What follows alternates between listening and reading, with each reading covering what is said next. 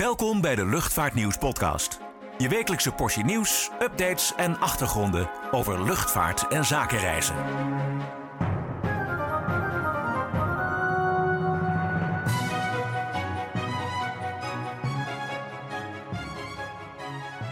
Hallo en welkom bij weer een nieuwe Luchtvaartnieuws podcast. We hielden even een pauze, maar vanaf nu zijn we weer wekelijks te horen met het laatste nieuws uit de luchtvaart- en zakenreiswereld. Klaas-Jan, je bent weer terug van papaverlof. Beetje van genoten? Nou, ontzettend genoten inderdaad. Eh, nee, de weken zijn voorbij gevlogen, kan ik je vertellen. En dat, eh, dat midden in de nacht luiers verschonen en flesjes geven gaat je niet echt in de koude kleren zitten. Zoals je ook wel een beetje aan mijn stem eh, kan horen. Maar ik heb deze week weer al het luchtvaartnieuws van de voorbije weken ingehaald. Dus ik ben er weer helemaal klaar voor. Ja, er is ook genoeg gebeurd in de afgelopen weken. Uh, wat waren voor jou de opvallendste nieuwsfeiten die tijdens jouw afwezigheid de revue zijn gepasseerd? Um, ja, goede vraag. Nou ja, ik denk samengevat uh, hè, zie je dat steeds meer luchtvaartmaatschappijen hun toestellen weer uit de mottenballen halen. Omdat de internationale reisregels langzaamaan versoepeld worden. Dus ja, het is wel goed om te zien dat er weer uh, meer gevlogen wordt. Ik merk dat ook aan de vliegtuigen die hier elke dag komen overvliegen. Ja, voor de rest uh, ja, opvallend dat uh, Aerotrans Cargo Nederland failliet is verklaard. Uh, nog voordat ze eigenlijk gevlogen hebben. Nou, daar had ik op zich wel vertrouwen in, dus dat, dat viel op. En ja, KLM Holidays was natuurlijk ook wel een, natuurlijk ook wel een opvallend nieuwsfeit. Ja, daar gaan we het zo meteen nog even over hebben. maar voor de, rest, voor de rest ben je dus vooral druk geweest met de baby, begrijp ik. ja, zeker. Nog steeds heel veel, maar gelukkig weer lekker aan het werk. Nou, heel erg mooi. Uh, welkom terug, zou ik zeggen. En laten we maar snel naar het actuele nieuws gaan. Om te beginnen met de OVV, de Onderzoeksraad voor Veiligheid. Want die waarschuwt Nederlandse luchtvaartmaatschappijen om hun vliegtuigen extra te inspecteren. Wat is er aan de hand? Ja, de OVV heeft een eh, waarschuwing afgegeven om vliegtuigen die lange tijd aan de grond hebben gestaan goed te controleren. Door de coronacrisis hebben Transavia, TUI, Corendon en KLM een deel van hun vloot tijdelijk geparkeerd, omdat die uh, toestellen simpelweg niet nodig waren. Maar nu de markt weer aantrekt, uh, worden die vliegtuigen weer in gebruik genomen. Nou, de OVV heeft twee incidenten onderzocht, waarbij Boeing 737's van TUI en Transavia problemen ondervonden met de snelheids- en hoogtemeters, die te wijten waren aan onzorgvuldige inspecties, uh, zo concludeert de OVV. Dat klinkt ernstig. Ja, nou ja, uh, je kan het eigenlijk niet bagatelliseren. Het, het is ook vrij ernstig. Kijk, aan de ene kant, uh, waar gewerkt wordt, uh, daar kunnen ook fouten worden gemaakt. Maar bij een vliegtuig kan een fout natuurlijk leiden tot, tot doden, hè? eventjes heel gechargeerd. En dat, dat wil je uiteraard niet. Ehm, aan de andere kant denk ik ook dat we niet met z'n allen in blinde paniek moeten raken. Maar het is denk ik wel goed dat de OVV de boel scherp houdt. Als je kijkt, het gaat om tientallen vliegtuigen die aan de grond hebben gestaan en nu weer moeten vliegen. Uh, tijdens die stilstand zijn al die toestellen wel continu onderhouden. Hè? De motoren zijn opgestart, uh, de boel is doorgeblazen, et cetera. En ook voordat ze weer de lucht in gaan, wordt er een heel protocol gevolgd. dus het is ook weer niet zo dat die, dat die kisten even worden afgestoft en hup, de sleutel in contact en vliegen. maar goed, blijkbaar zijn er ondanks die strenge inspecties onvolkomenheden ontdekt. Met als gevolg dat in twee toestellen de vlieghoogte en de snelheid niet goed werden weergegeven. Nou, volgens de uh, kwam dat in één geval doordat de sensoren nog waren afgedekt. Ja, dat is uh, uh, eigenlijk wel slordig, want dat soort dingen moet je tijdens de vluchtvoorbereiding gewoon zien. in een ander geval was er blijkbaar ergens een leiding niet goed aangesloten. ja, ook dat is natuurlijk niet heel netjes en moet eigenlijk niet gebeuren. Dus in dat opzicht wel goed dat de OVV aan de bel trekt. Ja, zeker. En ik neem aan dat de vier grote Nederlandse airlines het advies ter harte zullen nemen. Ga ik wel vanuit. We gaan even naar Alsmeer. Want daar was het deze week nogal ongezellig bij het gemeentehuis. Topman Dick Benschop van Schiphol werd door iemand uitgemaakt voor moordenaar. Uh, wat was er precies gaande? Ja, eigenlijk best wel triest uh, dat we het hierover moeten hebben. Maar um, even kort samengevat. Uh, Dick Benschop die was samen met uh, Michiel van Dorst, de topman van Luchtverkeersleiding Nederland, op bezoek bij de gemeenteraad in Aalsmeer om, om het te hebben over de geluidsoverlast. Op zich is dat niets nieuws, maar bij de uitgang werden ze opgewacht door een clubje actievoerders. Ja, en die hadden vast een mening. Die hadden zeker een mening. Uh, als eerste gingen er uh, leden van Extinction Rebellion voor de deur liggen. om te symboliseren dat de twee heren als het ware over de lijken heen moesten stappen, tussen aanhalingstekens. Ja, vervolgens vond iemand van een bekend anti-Schiphol-platform, waarvan we de naam even niet zullen noemen, het nodig om Benschop en Van Dorst voor moordenaars uit te maken. Hmm, apart. Ja, dat is zeker apart. goed, blijkbaar zijn zij moordenaars vanwege de gezondheidseffecten van de luchtvaart op de omgeving. maar ja, weet je, dat je het met elkaar oneens bent, dat kan. Hè? gelukkig is, hebben we vrijheid van meningsuiting en kunnen we over alles dis discussiëren in Nederland. Hè, en dat je, dat je heel veel vrije tijd hebt en die besteedt aan actievoeren tegen Schiphol, dat mag ook. Maar ja, iemand uitschelden en al helemaal voor moordenaar, dat lijkt mij niet, uh, niet echt een gezonde manier van debatteren. overigens zijn de media die hier iets over melden, allemaal lobbyclubs die aan de lijn lopen bij Schiphol. Althans, dat is de heersende opinie binnen deze groeperingen. Dus ja, laten we het eigenlijk maar heel snel over iets anders gaan hebben. Ja, goed plan. Over supersonisch vliegen bijvoorbeeld. Want United Airlines heeft 15 supersonische vliegtuigen besteld. Het tijdperk van de Concorde lijkt dus weer helemaal terug te komen, of is dat iets te, iets te vroeg geconcludeerd? Nou ja, het, het, lijkt er wel op in elk geval. Um, het is goed nieuws voor wie niet al te lang in het vliegtuig wil zitten. Uh, want ja, het idee is dat je straks in minder dan vier uur van Londen naar New York of van San Francisco naar Tokio uh, kan vliegen. En dat zal zeker toch uh, een bepaalde groep mensen aanspreken. Ja, om wat voor vliegtuigen gaat het eigenlijk waarvoor United heeft getekend? Nou, het gaat over de Overture, supersonisch passagiersvliegtuig voor 55 personen. Uh, dat vanaf 2029 met ja, ruwweg 2700 km per uur door de lucht moet gaan vliegen. Daar wordt al een paar jaar aan gewerkt. en het is de bedoeling om in 2025 de eerste proefvluchten te gaan uitvoeren. Ja, het is een tijdje geleden dat we zo snel konden vliegen. Dat is zeker een tijdje geleden.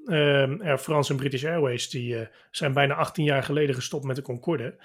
En sindsdien bestonden er geen supersonische lijndiensten meer. Zo, dat is alweer lang geleden. En nu dus wel weer bij United, tenminste uh, straks bij United. Ja, het, uh, het lijkt erop. Ja, nog maar twee maanden geleden bespraken we in deze podcast de plannen van Aerion om een supersonisch verkeersvliegtuig te ontwikkelen, naast de supersonische zakenjet AS-2 die dat bedrijf in ontwikkeling had. Maar eind mei werd bekend dat Aerion te weinig financiering heeft uh, weet het binnen te halen en zichzelf opheft. En ook eerdere initiatieven liepen op niets uit hoe groot als jij de kans dat het deze keer uh, wel gaat lukken? Ja, dat is, uh, dat is natuurlijk hè, koffiedik kijken. Maar in ieder geval heeft Boom Supersonic, het bedrijf achter de overtuur, ja, echt wel serieus werk gemaakt tot nu toe van supersonisch vliegen. Er zijn ook behoorlijke investeerders aangetrokken, die eerder ook geld staken in onder andere Google, Airbnb en Dropbox. Dus dat zijn niet de minste namen. Ja, en toch kleven er nogal wat nadelen aan de ontwikkeling van een supersonisch toestel. Ja, inderdaad. Um, ja, een daarvan is natuurlijk de aandrijving. Hè? Um, Rolls-Royce die werkt aan de motoren, die enerzijds krachtig genoeg moeten zijn om hoge snelheden te behalen. En aan de andere kant ook zuinig moeten zijn. Hè? Want dat is het ding. de Concorde, hoe mooi het toestel ook was, zoop echt kerosine. En produceerde ook behoorlijk wat uitstoot. En, en geluid trouwens. En de overtuur moet gaan vliegen op biobrandstof en daardoor een stukje klimaatvriendelijker worden. Um, want ja, met een nieuw, maar tegelijk vervuilend toestel kom je tegenwoordig niet meer weg. Dan, dan word je echt gelijk door de klimaatpolitie aan de schandpaal genageld. En wat zijn de marktvooruitzichten voor de Overture? Nou, Boom verwacht zelf zo'n 2000 toestellen te verkopen. Tenminste, dat was uh, de prospectus voordat de coronacrisis uitbrak. Uh, Japan Airlines heeft belangstelling getoond. Virgin Atlantic lijkt ook een kanshebber. Maar zoals het er nu naar uitziet, wordt het United dat de eerste wordt die er echt mee gaat vliegen. Maar goed, ook hier geldt, behaalde resultaten uit het verleden bieden geen garantie voor de toekomst. Kijk bijvoorbeeld even naar de Concorde en ook naar de Boeing 2707, wat eigenlijk een rivaal had moeten worden van de Concorde. daarvoor had zelfs KLM belangstelling. Maar uiteindelijk ja, werden zowel de Concorde als de Boeing 2707 geen commercieel succes de, de Boeing 2707 vloog uiteindelijk dus nooit. Um, Air France en British Airways hebben wel met de Concorde gevlogen. Uh, maar goed, de ticketprijzen waren hoog. Maar ze hebben er nooit een cent aan verdiend. Het was eigenlijk puur prestige. Ja, nog even een paar jaar wachten dus om te zien of de Overture echt van de grond komt. Ja, letterlijk ja. Word nu abonnee en ontvang 12 keer per jaar het Luchtvaartnieuws magazine. En onbeperkt toegang tot nieuws en achtergronden op luchtvaartnieuws.nl en zakenreisnieuws.nl. Ga voor meer informatie naar luchtvaartnieuws.nl/slash abonneren. Over commercieel succes, of juist het uitblijven daarvan gesproken, All Nippon Airways, kortweg ANA, gaat weer met de Airbus A380 vliegen. De Japanners hebben drie van deze toestellen in de vloot, die alle drie in een vrolijk kleurenschema zijn geschilderd. Opvallend nieuws. Ja, ergens wel. Uh, ja, de A380 was nou niet het meest populaire toestel uh, tijdens de coronacrisis. Uh, Air France heeft het toestel uitgefaseerd. bij Qatar en Etihad Airways lijkt het type zijn langste tijd te hebben gehad. En ook Qantas en Lufthansa en andere gebruikers lijken twijfels te hebben over de toekomst van de A380. Ja, Emirates is groot gebruiker van de A380 en zet het type geleidelijk weer in. En ook China Southern vliegt er als grootste luchtmaatschappij in China nog mee. Uh, maar wat doet ENE met het handjevol A380's? Ja, ze zijn eigenlijk uh, puur aangeschaft destijds voor vluchten tussen Tokio en Hawaii. Uh, tijdens de coronacrisis werd op die route een Boeing 787 ingezet. Maar nu is het dus weer tijd voor de A380. En waarom zo'n groot type? Nou, Hawaii is echt razend populair onder Japanners. Um, het lijkt misschien een beetje een rare route, maar voor, voor, voor, Japan is, is Hawaii eigenlijk het dichtstbijzijnde stukje westerse wereld. Uh, aangezien die eilandengroep echt precies tussen Japan en de VS in liggen. Er wonen ook ontzettend veel Japanners. Uh, dat heeft nog een beetje te maken ook met de Tweede Wereldoorlog. Uh, ja, de natuur en de stranden die zijn aantrekkelijk. dat lijkt ook een beetje op sommige delen van Japan trouwens.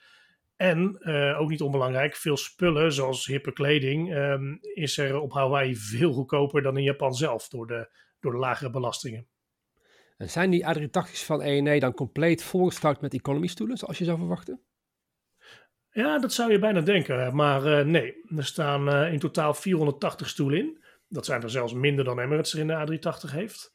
Um, het is wel zo dat het grootste deel van de reizigers, uh, 343 om precies te zijn, in economy vliegt. Maar er is ook premium economy, business class en zelfs first class aan boord.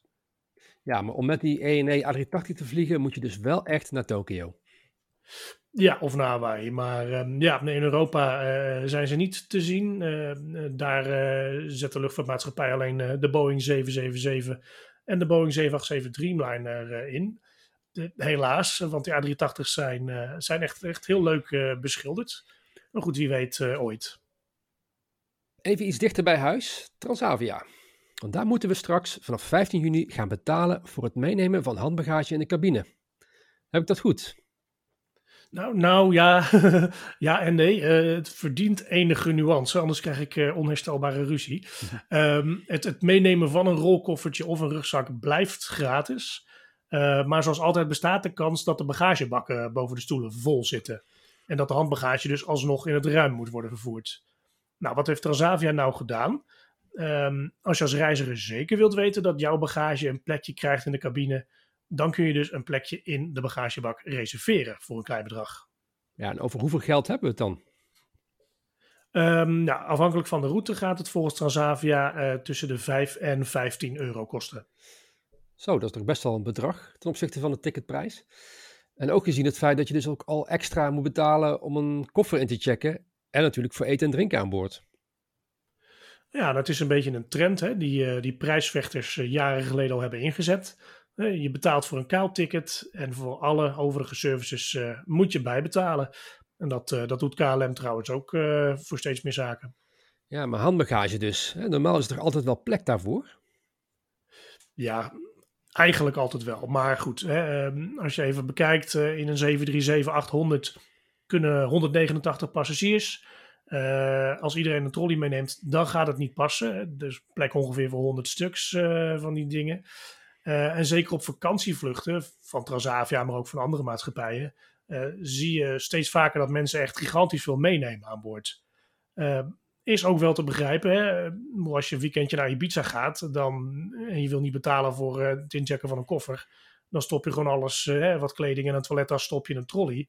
En die neem je lekker gratis mee in de cabine. Dus ja, ik, kan me dat, ik kan me dat voorstellen. Ehm, want ja, waarom zou je een dure koffer inchecken als, als je handbagage gratis mee mag? Ja, maar dat is dus nu ook niet meer gratis. Nou ja, in principe, in principe blijft het dus wel gratis. Maar als je dus echt, echt, echt, echt heel erg zeker wilt weten dat je trolley of je rugzak in de bagagebak uh, komt te liggen, dan kost het geld. Um, uh, Transavia die reserveert overigens 70 plekken per vlucht voor die betaalde bagage. Um, dus ja, de kans dat je handbagage alsnog gratis mee mag is, is best aanwezig. maar goed, tenzij je als laatste aan boord gaat, ja, dan, dan is de kans heel groot dat alle bakken sowieso vol zijn. Ja, en dus je trolley in het ruim wordt ondergebracht. Precies. Ja, we blijven nog even binnen KLM Groep. Want moederbedrijf KLM introduceerde deze week, zoals uh, eerder in deze podcast gezegd, officieel het nieuwe vakantielabel KLM Holidays.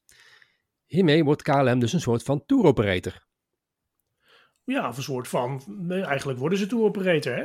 Ze, ze verkopen onder, uh, onder eigen naam, onder KLM Holidays, uh, volledige pakketreizen. Dus uh, inclusief vlucht, hotel, transfer of autohuur. Ehm, op, op zich niets nieuws overigens, want dat deden ze al sinds 2014. Maar dan onder de naam KLM Package Deals. Maar goed, ze hebben dus nu gekozen voor de naam KLM Holidays. Uh, daarmee ze dan, hopen ze dan een, een, een groter publiek te bereiken. Uh, um, en wat ze dus heel slim hebben gedaan, is dat deze reizen ook via reisbureaus en zelfstandige reisadviseurs te koop zijn. maar goed, je kan er ook voor kiezen om het zelf online te regelen. Ja, voor de juni-uitgave van Luchtvaartnieuws Magazine sprak ik met directeur Harm Kreulen van KLM Nederland. En volgens hem wil de maatschappij met KLM Holidays haar positie op de leisuremarkt verstevigen. KLM Holidays biedt daarbij volgens hem meer keuzevrijheid in vergelijking tot de traditionele aanbieders van pakketreizen, waarmee ze natuurlijk uh, frontaal de concurrentie aangaan. Begrijp jij waarom KLM deze stap neemt? Ja, die begrijp ik uh, helemaal eigenlijk. Kijk, de, de, de, de toeristische markt, de leisuremarkt, die, eh, die herstelt zich sneller dan de zakelijke markt. Uh, dus ja, daar valt de komende periode gewoon geld mee te verdienen. Dus ja, ik vind het echt wel een logische stap. Um, kijk, KLM die voegde natuurlijk de afgelopen jaren sowieso wel steeds meer uh, vakantiebestemmingen toe aan het netwerk. En als je kijkt naar, naar deze zomer, Palma de Mallorca, Verona, Dubrovnik, daar kun je gewoon heen met KLM. Ehm, en ook, ook verre bestemmingen, zoals Barbados, Cancun en Phuket. Ja, die, code, die worden komende winter aan het netwerk toegevoegd. Oké, meer over de leisure en overige plannen van KLM in de juni-editie van Luchtvaartnieuws Magazine, die op 12 juni verschijnt. Daarin verder onder andere een uitgebreid artikel over United Airlines en het afscheidsinterview met voorzitter Annette Groeneveld van cabinebond VNC. Verder spraken we onder andere uitgebreid met Annemarie Arissen van NS International. Ga voor een los exemplaar of een abonnement naar onze website. Goed, dat was het weer voor deze keer. Bedankt voor het luisteren tot de volgende podcast en zoals altijd, check het laatste nieuws uit de luchtvaartwereld op luchtvaartnieuws.nl en kijk ook op onze site zakenreisnieuws.nl voor het laatste zakelijke reisnieuws. Tot ziens!